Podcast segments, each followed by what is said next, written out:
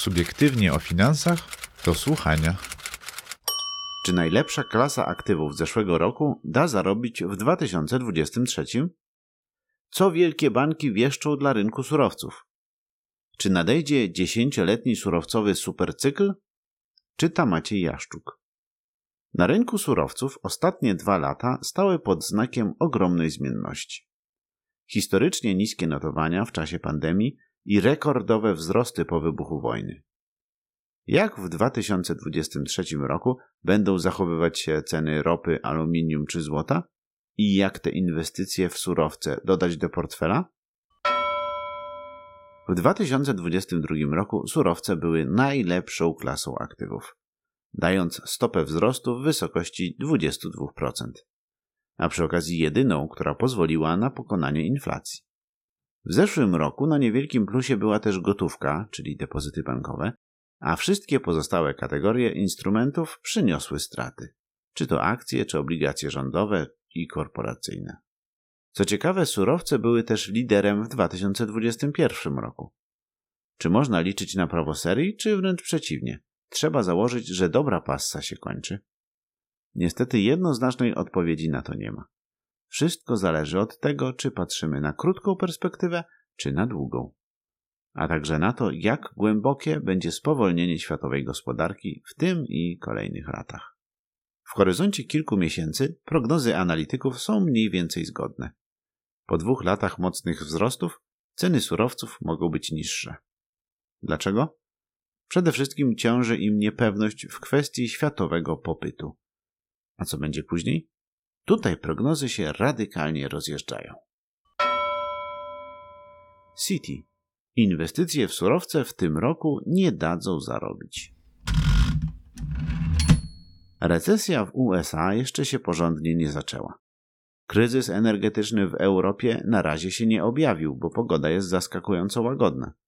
A wzrost gospodarczy w Chinach może wcale nie przyspieszyć, nawet mimo zdjęcia pandemicznych obostrzeń. To można wyczytać w raporcie banku City. Analitycy City zakładają też silne hamowanie na amerykańskim rynku mieszkaniowym. A to oznacza mniej inwestycji, niższe ceny domów i spadek popytu. Tym bardziej, że Fed wcale nie szykuje się do kończenia cyklu podwyżek stóp procentowych. To wszystko sprawi, że 2023 rok przyniesie spadki cen surowców. Recesja osłabi zarówno konsumpcję prywatną, jak i inwestycje. A gdy żaden z tych dwóch motorów nie funkcjonuje, nie ma co liczyć na to, że inwestycje w surowce przyniosą dobre rezultaty. Analitycy City pokusili się nawet o prognozę. Średnia stopa wzrostu z długoterminowych inwestycji w surowce ma według nich wynieść 2,4% rocznie. Z jednej strony to więcej niż spodziewano się latem 2%. Z drugiej różnica jest taka, że w tej chwili City przewiduje, że gotówka da 3,4% zysku rocznie, a surowce, przypomnijmy, 2,4%. Nie ma zatem większego sensu trzymać ryzykownych surowców, skoro bezpieczny depozyt da więcej. Wells Fargo. Dekada supercyklu surowcowego dopiero się zaczyna. Całkowicie odwrotne stanowisko przedstawili strategzy z amerykańskiego banku Wells Fargo. I to jest być może najważniejszy wniosek z przeglądu raportów. Sytuacja rynkowa jest obecnie wyjątkowo niepewna. Gdy rozpoczynała się pandemia, wszyscy spodziewali się głębokiego i długiego hamowania gospodarki. Wszyscy się pomylili, przez co mieliśmy najpierw bardzo mocne spadki na giełdach, a potem równie gwałtowne odbicie, kiedy inwestorzy uświadomili sobie, że przewidywania były za bardzo pesymistyczne. Pomyliły się prawdopodobnie, z dzisiejszej perspektywy patrząc, także banki centralne, zbyt długo utrzymując niskie stopy procentowe. Skutki tego widzimy dzisiaj w cenach towarów i usług. Teraz jednak sytuacja jest inna, dlatego że prognozy nawet tych największych zespołów analitycznych rozjeżdżają się we wszystkie strony jak łapy psa na lodzie. Jedni przewidują miękkie lądowanie, inni stagflację, a jeszcze inni głęboką recesję. Nakładająca się na to wojna i zmiany klimatyczne sprawiają, że nawet przy tych samych prognozach PKB i inflacji wnioski inwestycyjne są całkiem odmienne. Citi spodziewało się dekady niskich stóp wzrostu z inwestycji w surowce. Tymczasem ich koledzy z Wells Fargo stoją na stanowisku, że w marcu 2020 roku rozpoczął się długoterminowy supercykl surowcowy. Co stoi u jego podstaw? Po pierwsze, historyczna zależność pomiędzy poszczególnymi surowcami. W długoterminowej perspektywie ich ceny mają tendencję do poruszania się w tym samym kierunku. Po drugie, problemem jest za mała podaż. To właśnie zakłócenia w dostawach po agresji Rosji na Ukrainę wywindowały ceny ropy, gazu i niektórych metali do niebotycznych poziomów. Obecnie notowania wróciły do przedwojennych wartości. Jednak wystarczy, że mróz nieco mocniej złapie w Europie, a surowce energetyczne znowu będą szalały. Wells Fargo nie wyklucza, że pierwsza połowa roku będzie jednak słabsza, a to ze względu na spowolnienie gospodarcze, które wyhamuje popyt. Potem jednak ograniczenia podażowe wezmą górę, tym bardziej, że przyjdzie czas na napełnianie magazynów gazu i uzupełnianie zapasów ropy przed nadchodzącą zimą. I długoterminowo koszyk surowców będzie coraz droższy. Goldman Sachs. Niedoinwestowanie podstawą byczego scenariusza. Podobnej opinii są progności z Goldman Sachs. Oni również pokładają nadzieję w supercyklu wzrostowym cen surowców. Z czego ma wynikać? Z błędu, jaki światowa gospodarka popełniła w ostatnich dwóch latach. Już w 2021 roku widać było, że podaż surowców może nie być wystarczająca, by sprostać popytowi gospodarki ożywionej po pandemii i napędzanej darmowym pieniądzem z banków centralnych. Widać było niedobory, jednak obawy przed recesją powstrzymywały firmy przed zwiększaniem mocy produkcyjnych. Już rok, dwa lata temu wykorzystanych prawie w 100%. Z kolei 2022 rok przyniósł wojnę i zburzone łańcuchy dostaw, co wywindowało ceny surowców do rekordowych poziomów. Jednak jednocześnie banki centralne zaczęły podnosić gwałtownie stopy procentowe. I tym razem to drastycznie wyższy koszt kapitału stał się barierą przed powiększaniem zdolności wydobywczych i przerobowych.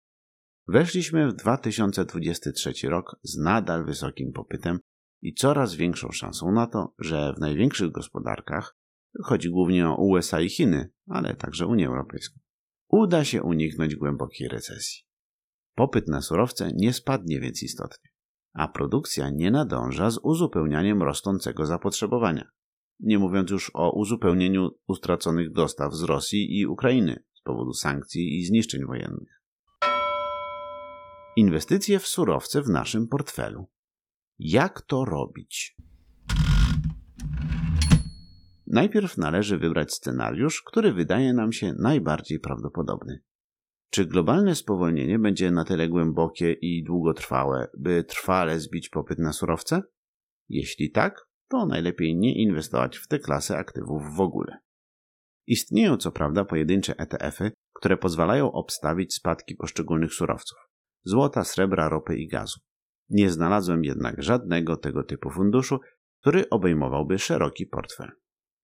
Warto jednak pamiętać, że przy zarządzaniu portfelem decyzja o nieinwestowaniu w jakiś produkt jest równoznaczna z przeznaczeniem tej samej części środków na inne instrumenty.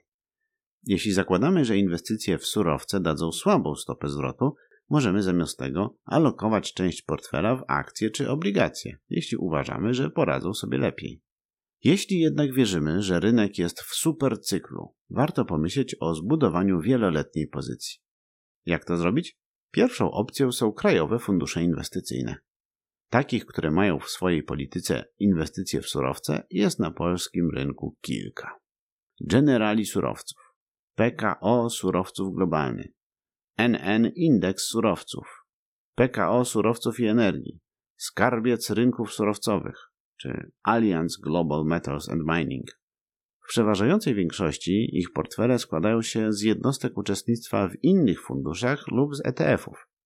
Kilka miesięcy temu analizowałem tę politykę inwestycyjną w artykule na subiektywnie o finansach. Jednak od tego czasu niewiele się zmieniło. Można więc samemu sięgnąć po tanie ETF-y, które dają ekspozycję zarówno na szeroki koszyk surowców, jak i na poszczególne ich kategorie metale, żywność a nawet na pojedyncze towary ropa, nikiel, cukier. W tym przypadku oferta polskich biur maklerskich jest dość bogata. Dla osób, które lubią ryzyko, jest też możliwość grania z mniejszą lub większą dźwignią na kontraktach na surowce. To jednak wyższa szkoła jazdy, która pewnie lepiej sprawdza się w krótkim terminie. Inwestowanie w surowce z myślą o trwającym dekadę supercyklu lepiej realizować tańszym i bezpieczniejszym sposobem. To była audycja z cyklu Subiektywnie o finansach do słuchania. Więcej artykułów czytanych przez autorów znajdziecie na naszej stronie www.subiektywnieofinansach.pl w zakładce do słuchania oraz na naszym kanale podcastowym.